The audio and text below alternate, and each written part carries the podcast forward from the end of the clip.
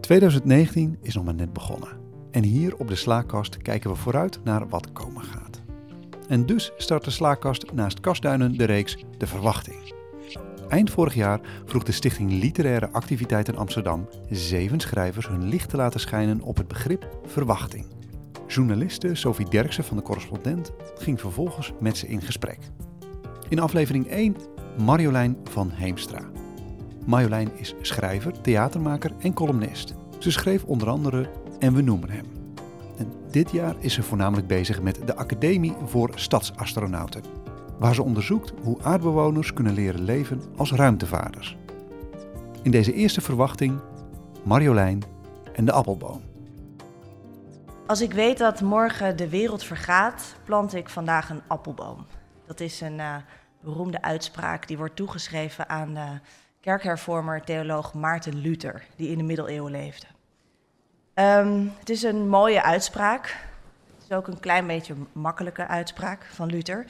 Luther leeft natuurlijk niet in een al te beste tijd, maar het einde van de wereld was echt nog niet in zicht.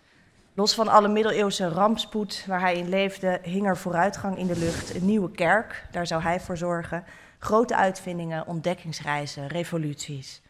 Bovendien leefde Luther in een zeer gelovige wereld. Het einde van de wereld zou de Messias brengen. En dat was iets om verlangend naar uit te kijken. En dan nog iets. In de 15e eeuw was een boom planten makkelijk zat.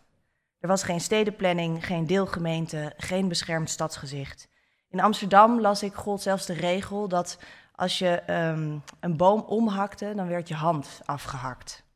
In de tijd van Luther. Dus uh, zoveel waren bomen waard. En als jij een appelboom wilde planten voor je deur, dan plantte jij een appelboom. Ik, uh, ik wilde ook een appelboom voor mijn deur. Dat idee werd geplant in deze veel te hete zomer, voor deze veel te warme herfst. Voor het eerst in lange tijd heb ik geen deadlines, geen brainstorms, geen groot project wat onmiddellijke aandacht vraagt. Ik heb vrij. Nou, die vrije tijd breng ik grotendeels door in speeltuinen en op kinderboerderijen, want vrij met twee peuters heeft zijn beperkingen. Maar ik heb vrij en ik heb in principe alle tijd van de wereld om me bezig te houden met de hittegolf die ons overspoelt. We hebben daar in ons huis veel last van. Ons huis staat pal op het zuiden, zijn geen overburen, geen schaduw. Alleen een smalle lantaarnpaal op de stoep voor de voordeur, die s'nachts zijn vieze gele licht onze slaapkamer instraalt, maar dus geen enkele verkoeling biedt. De hele dag blaast de zon door de ramen. Onze kleine voortuin ziet geel van de dorst. Alles wat ik in de winter in de grond stopte, verschrompelt voor mijn ogen. De ventilators naast ons bed verplaatsen alleen maar snikhete lucht. De kinderen slapen slecht, dus ik ook. En er is natuurlijk veel gesproken over de gevolgen van de opwarming van de aarde. Ik heb dat allemaal gelezen, ik heb me er zorgen over gemaakt. En toch voelde het altijd als iets van ver, eilanden in de stille Zuidzee die daar last van zouden krijgen. En iets van ooit, in een toekomst. Maar nu bosbranden in Zweden, hagel in de Franse wijnstreek en mijn verdorde voortuin. Ik voel me deze hete zomer ingehaald door de geschiedenis. Alsof ik niet meer synchroon loop met de tijd. Er voltrekt zich een toekomst, een rampzalige toekomst, en ik hou me met zaken uit het verleden bezig. Belastingaangifte, het schilderen van de trap, schommels duwen. En ik betrap mezelf voortdurend op een hele domme gedachte. Ik weet niet, misschien hebben meer mensen dat gehad. Ik om mezelf, om me heen merkte ik dat meer mensen hadden wat ik had. Dat ineens werd het warm, dus ineens was de klimaatverandering stond voor onze deur. En ik had een hele domme gedachte van, ja, dit kan toch niet zomaar. Dat. Hier moet toch iemand iets aan doen. Iemand moet ingrijpen of had dat al lang moeten doen. En ik probeer een inhaalslag te maken. Ik google zonnepanelen en waterpompen. Tijdens de middagdutjes van de kinderen lees ik over de rampen die ons te wachten staan. De zesde uitstervingsgolf, 130 miljoen klimaatvluchtelingen, voedseltekort en woestijnisering, vloedgolven, epidemieën. En ik heb het allemaal wel eens gelezen, maar je hebt lezen en je hebt lezen. Ik denk deze zomer aan de eerste dag van het nieuwe millennium. Jaren hadden we daar naartoe geleefd. De toekomst, dat was het jaar 2000. Heel lang is dat zo geweest. Op oudejaarsavond 1999 sloten mensen zich op in schuilkelders, misschien weten we het allemaal nog, waren bang voor de gevolgen van de millenniumbug. Heel veel mensen stonden ook op een berg op de Messias te wachten, want een nieuw millennium, hij zou nu echt komen. Ik was 18 en zat in de vensterbank van een groot raam in Rotterdam af te tellen. 10, 9, 8. Naar een nieuwe tijd. 7, 6, 5. Russische kernwapens zouden door de computerstoringen afgaan. De Age of Aquarius zou eindelijk aanbreken. 4, 3, 2, 1. En daar was hij dan. De toekomst. Oliebollen met mijn ouders en een feestje bij de buren. De dag erna het gevoel dat de toekomst voorbij was. En dat gevoel dat de toekomst voorbij is, bekruipt me deze zomer. Gebrek aan perspectief en een sluimerende paniek om wat mijn kinderen te wachten staat. Ik zie de film The First Reformed. Die begint met een scène waarin een klimaatactivist een dominee uitlegt dat hij de zwangerschap van zijn vrouw niet kan verdragen, omdat hij niet weet wat hij moet antwoorden als zijn dochter hem over twintig jaar vraagt wat hij eigenlijk voor ogen had toen hij haar op de wereld zette. Mijn dochter, zegt hij, zal in een tijd van rampen leven. Het is een film, ook. Ik zie die scène, ik zak diep in mijn bioscoopstoel en voel hoe mijn hart zich samenknijpt. Terwijl de kinderen onder een parasol het zand aanharken, zoek ik naar hoopvolle perspectieven. Ik lees hoe astronauten een ander tijdsbesef krijgen op het moment dat ze de aarde vanuit de ruimte zien. Hoe ze overmand worden door liefde en een besef van verantwoordelijkheid voor die kleine edelsteen in die tomeloze duisternis. En die liefde voor die aarde verandert hen in toekomstdenkers. Want als je van iets houdt, dan wil je het beschermen. En beschermen betekent ook de toekomst veiligstellen. Dit is ongeveer letterlijk wat Wubbo Okkels zegt op zijn sterfbed, vlak nadat hij eh, doodziek en buiten adem de mensheid heeft opgeroepen te gaan leven met de mentaliteit van astronauten. Uitzoomen, overzien, liefhebben, beschermen. Hij sluit af met de zin: Even a small thing is something. Ik kijk naar mijn kinderen, ik denk aan Luthers appelboom, a small thing. Maar daarmee heb ik buiten de Vereniging voor Eigenaren gerekend, die voorschrijft ja, dat niets in onze gedeelde voortuin boven de twee meter uit mag groeien. Ik rekende niet op mijn buren die geen zin hadden in de wespen die zo'n boom dan aantrekt vanwege het fruit. En niet op de ontmoedigende lijst van de buurtmakelaar toen ik hem voorstelde een appelboom te planten op de plek waar nu de lantaarnpaal staat. Schaduw in plaats van licht, hout in plaats van roestvrij staal. De buurtmakelaar stuurt mij een mail, een lijst met een traject dat bestaat, dat de gemeente heeft uitgestippeld voor rare mensen die bomen willen planten in de openbare ruimte. Um, dat is een hele lange lijst en dat is dan grondbemonstering, groeiplaatsanalyse, opname in het areaal, onderhoudsopgave, een klikmelding bij het kadaster. En die gaan dan uitzoeken welke kabels en bedrading en riolering en bla bla bla bla. bla. Er zijn mensen die zeggen dat Luther die appelboom niet letterlijk bedoelde, dat hij verwees naar het paradijs, de goddelijke toestand. Als ik weet dat morgen de wereld vergaat, plant ik vandaag een paradijs. Dat is wat hij feitelijk zei. Dat het erom gaat de dood met het leven te bestrijden en dat die appelboom een streven is. Een manier van leven, een soort mentaal wormgat naar de toekomst in het heden. Zoiets. Dat is denk ik ook wat Kafka bedoelde toen hij een van mijn favoriete zinnen schreef: De Messias komt pas als hij niet meer nodig is. Het wachten op de Messias, het leven in verwachting, die hoop, dat is de Messias.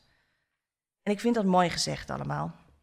Maar ondertussen staan er 6000 ongeboren bomen te wachten op de Amsterdamse bomenbank. Die bestaat. Voor elke gekapte boom moet een boom teruggeplant. Maar de stad is te vol met draden en palen, dus worden de toekomstbomen op een bank gezet. Ook al roept de Verenigde Naties ons op in godsnaam bomen te planten tegen de klimaatverandering, ook al weten we dat bomen ons de broodnodige schaduw, verkoeling geven en de CO2 uit de lucht trekken, wat zo hard nodig is. Maar die bomen staan op de bank voor ooit.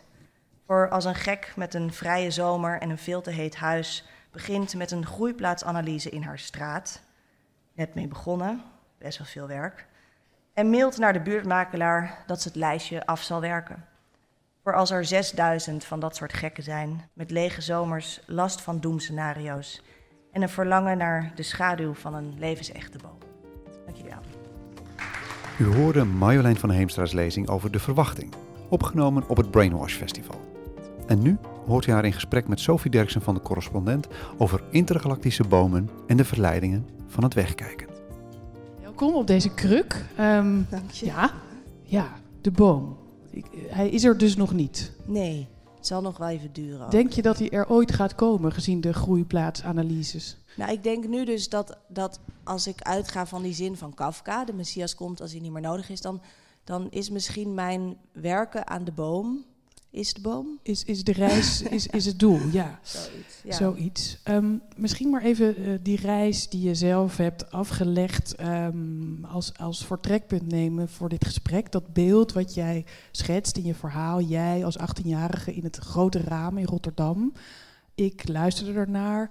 Hè, dat is de tijd waarin dat millennium, die bug, eh, eh, dat is aan de hand. Maar jij zit als 18-jarige in dat raam. Het lijkt mij dat jij op dat moment nog vrij vreesloos naar de toekomst keek. Wat is het moment dat die zorgen zich zijn gaan manifesteren? Of was dat toen al zo? Nee, nou kijk, toen hadden we wel, denk ik, die zorgen over de millennium bug. Ik had die niet per se zelf heel erg, maar die waren wel heel reëel. Daar waren mensen wel echt mee bezig. Ehm, maar die zorgen, ja, afgelopen jaren, dat wordt nu natuurlijk wel... Ik, ik had het dus vooral deze zomer, wat super dom is. Want je weet al lang dat het aan de gang is. En dan heb je toch een soort hittegolf thuis nodig om te voelen van... oh ja, dus er is iets uit het lood of zo. Ja, je zegt je hebt lezen en lezen. eh, Mhm. De noodzaak van ervaring voor, voor reflectie wellicht. Daar gaan we later vandaag ook nog over spreken met een van de andere schrijvers. Ik verraad nog niet wie, om met uw verwachtingen nog wat te spelen. Ehm, maar dat element, ehm, die, dat, dat zorgelijke, eh, tegelijkertijd zeg je de noodzaak benoem je om uit te zoomen. Om eigenlijk eh, eh, uit te zoomen, om te weten dat je de toekomst veilig wil, wil stellen. De wubbel-okkels in jezelf wakker kussen, zou je kunnen zeggen. Ja. Wat zijn nou momenten dat jou dat lukt? Lukt dat als je daar in die zandbak zit? Nou, dit is, een, een, dit is natuurlijk een heel kort stukje, maar ik ben eigenlijk al heel lang bezig met die boom. Dat is een groter project. En wat heel leuk is aan als je dan zo bijvoorbeeld een analyse gaat doen van de grond. Als je echt heel diep gaat, dan ga je dus 10.000 jaar terug. En dan kom je door al die veenlagen en zo. Ik kwam erachter dat er bijvoorbeeld een wolharige neushoorn rondliep in Amsterdam. En die, nou, er zitten misschien nog wel overblijfselen in mijn tuin van die neushoorn. Dat weten we met dank aan dat eh, zo eh, betwiste bodemonderzoek. Eh, ja, precies. Dus, dus door dat zoeken naar een plek voor die boom, ben ik heel veel gaan eh, ontdekken over de grond waar ik op leef. Dus ik snap beter waar ik woon eigenlijk. En, ehm, eh, en al die tijdlagen. Dus eigenlijk is dat ook uitzoomen, omdat je, je zoomt dan zeg maar de bodem in uit, dus 10.000 jaar terug. En ik ben ook eh, bij de European Space Agency geweest om te praten over bomen in de ruimte. Welke bomen ze van plan zijn om bijvoorbeeld naar Mars, op Mars te gaan planten. En op de maan, ze zijn bezig met de maanoase. En, dan, en, daar, en dat ging dan heel erg over de toekomst en over de duizenden jaren vooruitdenken. Want waarschijnlijk de eerste intergalactische boom die zelf kan groeien is ongeveer over 7000 jaar. Dus nou ja, goed, die, dus die boom, dat zoeken naar die boom. Ik, kan een beetje, ik word altijd een beetje obsessief als ik dan helemaal met zoiets begin. Dus dat is dan nu een heel groot project geworden. Maar begrijp ik, maar voor jou persoonlijk was ik benieuwd, ehm, is dus kennis, het, het weten wat ons te wachten staat, waar we vandaan komen, voedt, jou, voedt, voedt dat jouw zorgen Nou, over de toekomst of nee, stemt nee, het je nee, hoopvol? nee, het stelt mij gerust. Want denk ik, oh ja, 10.000 jaar geleden, die wolharige neushoorn heeft het ook niet gered. Maar weet je, die zit nog wel ergens in dat systeem. En misschien over 10.000 jaar zijn er eh, op Mars eh, staan er domes met, met 50.000 mensen. Nou, waarschijnlijk wel tegen die tijd veel meer. Als dat allemaal goed gaat. Dus ik vind het is heel lekker om zo uit te zoomen. En dan, en dan, ja, dan maak ik me echt wel minder zorgen. Ik denk wel dat er veel moet gebeuren nu. Maar er is ook al heel veel gebeurd en er gaat ook nog heel veel gebeuren. Ja, dus het, het houdt ergens het midden tussen gerustgesteld worden en, en je eigen vrees eh, eh, voeden. Ja, en een beetje scherp blijven, denk ik. Want je kan je zo verliezen in de paniek. Ja, en dat is natuurlijk interessant. Een van de andere schrijvers gaat daar ook iets over zeggen. Eh, ehm, het optimisme als, als een morele plicht. Het was Mhm. Karel Popper, die is er vandaag niet trouwens, maar ehm, Ja, eh, die dat zei. Eh, de toekomst ligt niet alleen open, maar we geven die ook vorm door onze daden. Ehm, en dus is het wellicht wel onze plicht die dingen te doen die bijdragen aan een betere toekomst. Mm. Ik las dat en ik dacht aan, aan jou en het gesprek wat we hier gingen hebben. Dacht ik, jij bent enorm bezig om je steeds te verhouden tot wat er eh, maatschappelijk om ons heen gebeurt. Of het de boom in je tuin is of eh, eh, andere grote vragen die je in het klein probeert een small thing uh, te adresseren. Waar komt die drang, denk je, vandaan? Voel je een morele plicht?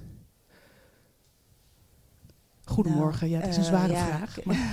ik heb niet zo lang geslapen, maar um, ik, ik weet niet. Ik vind, dat, ik vind het gewoon heel prettig om zo te leven. Ik zou het veel minder leuk vinden als ik daar niet mee bezig was. Misschien is het gewoon een hobby. Het is leuk, dat is ook interessant. Ik weet niet of Karel Popper daar ook over gedacht heeft. Ja, uh, uh, ik vind het leven leuker als je er op die manier mee bezig bent. Dus. Door je te verhouden. Ja.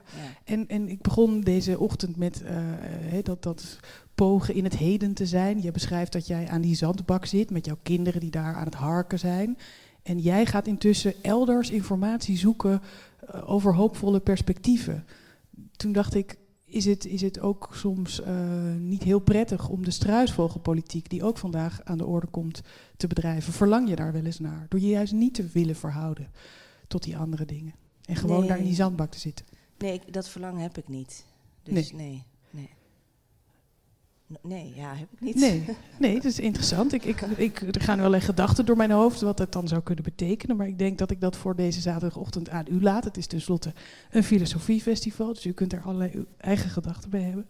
Ehm, dat beeld van die appelboom, de dood met het leven bestrijden. eh, het leven in verwachting, daarin schuilt de verlossing. Lukt dat voor jou? Wat zijn momenten dat je dat lukt? Nou, ik, ehm, wat ik net beschrijf, dat ik dan van zo'n boom een hele zoektocht kan maken. En dan dus tegelijkertijd heel veel leer over mijn plek, waar ik woon en, en wat, daar, wat daar allemaal is. Ja, dat, dan heb ik het gevoel dat het lukt. Dat ik bezig ben met het antwoord vinden op een vraag. Zo. En daarin schuilt dus ook groot plezier. Ja, Ja. dan heb ik er heel veel lol in, ja. Ja. Ehm, misschien moet je iets vertellen over het feit dat je die lol die je zelf beleeft en het zoeken naar een plek op deze aarde in het ondermaanse, dus nu ook verwerkt in een groter project waar je andere mensen die ervaring probeert te geven. De Academie van Stadsastronauten heet Ja. het. Ehm, die ja, komt hebben, er. eh, ja, die is er eigenlijk al. Dus ik ben met twee futurologen ben ik eh, de Academie voor Stadsastronauten begonnen. Het was, ja, het was een meer een soort ludieke actie. We gingen een nachtwandeling doen door Rotterdam. En dan kon je dus leren hoe je moest die mentaliteit van die astronauten. Want er heel veel astronauten die terugkomen uit de ruimte, die zeggen dat van we zouden eigenlijk allemaal die ervaring moeten hebben. Dat overzichtseffect noemen ze dat dan. En ehm, ik ging met die futurologen, hadden we een soort programma gemaakt van dan ging je s'nachts door Rotterdam lopen en dan zou je dat zelf moeten gaan ervaren. Ehm, en uiteindelijk is daar een, is die academie, ja, daar, we hadden dus ook een, een verhaal over die academie. En toen kregen we plotseling aanvragen van willen jullie niet een college komen geven? Want jullie zijn toch een academie? En dat zijn we gaan doen. En nu zijn we, ja, een soort toertje langs allemaal bestuurders en ambtenaren vooral. Dus mensen die zich bezighouden met stedenplanning, maar ook met lichtvervuiling, met de toekomst van de gezondheidszorg, dat soort dingen. En, en die willen dan een ander perspectief. Die willen even met z'n allen helemaal zeg maar, eruit. En voor die mensen eh, geven wij het introductiecollege van de Academie voor Stadsastronauten. Ja, en wat me zo opvalt is dat in het nadenken over grote vragen eh, is toch ook steeds eh, de bureaucratie heel erg aanwezig. Eh, Ja. eh, ehm, en ik dacht ook nog na, en dat is ook iets wat we vandaag verder gaan uitdiepen met een van de aanwezigen. Ergens heeft het ook, is er ook een soort luxe schuilt erin. Dat we ons zoveel tot de toekomst kunnen verhouden. Ergens. Maar de ironie is misschien wel dat we in deze centraal verwarmde realiteit van beleidsplannen ons uiteindelijk misschien ten diepste niet eens heel erg echt verhouden tot die grote vragen, omdat het ons gewoon heel goed gaat. Ehm, ja, dat is ja, ons, ja, ons op onze plek gaat het inderdaad heel goed. Dus weet je hoe, hoe ver je uitzoomt natuurlijk. En Hoe ver je Wat Wubbo je- Okkels laat ja, wat je meeneemt. Eh, ik denk zeker dat er heel veel dingen heel goed gaat, maar dat het, eh, de, de, het ecologische probleem echt best wel groot is. En ja, dat zijn wij toch ook. Dus ehm, ik ben eigenlijk gewoon je vraag vergeten nu. Ik zei, is, het is die luxe, eh, maakt die Ja. nou dat we ons echt verhouden? Het is een Ja. luxe, of, of kunnen we ons eigenlijk ook het permitteren om ons niet echt te verhouden? Die noodzaak om, om dit soort grote vragen aan te gaan. Nou ja, natuurlijk kun je het je nog heel goed permitteren, zeker als je hier woont, om dat niet te doen. Toch? Je hebt een prima leven, het hoeft niet. Ehm, ja, ik denk dat die noodzaak door heel veel mensen niet zo gevoeld wordt. En pas op het moment dat er een vloedgolf of dat er echt 130 miljoen klimaatvluchtelingen Ehm, ja, dat is wel gek, want dat is bijvoorbeeld al zo aan de hand. En dat, dat kunnen we enorm uh, blokkeren. Ja, dat kan. Jij ervaart die noodzaak in ieder geval. Uh, uh, be it small, maar je doet je pogingen. Dankjewel, Marjolein van Heemstra. Dit was het eerste deel van De Verwachting. Een reeks lezingen en gesprekken opgenomen op het Brainwash Festival in de Agnietenkapel te Amsterdam. Met speciale dank aan Sophie Derksen en Marjolein van Heemstra. De Verwachting is onderdeel van de Slaakast, een podcast gemaakt in opdracht van de Stichting Literaire Activiteiten Amsterdam.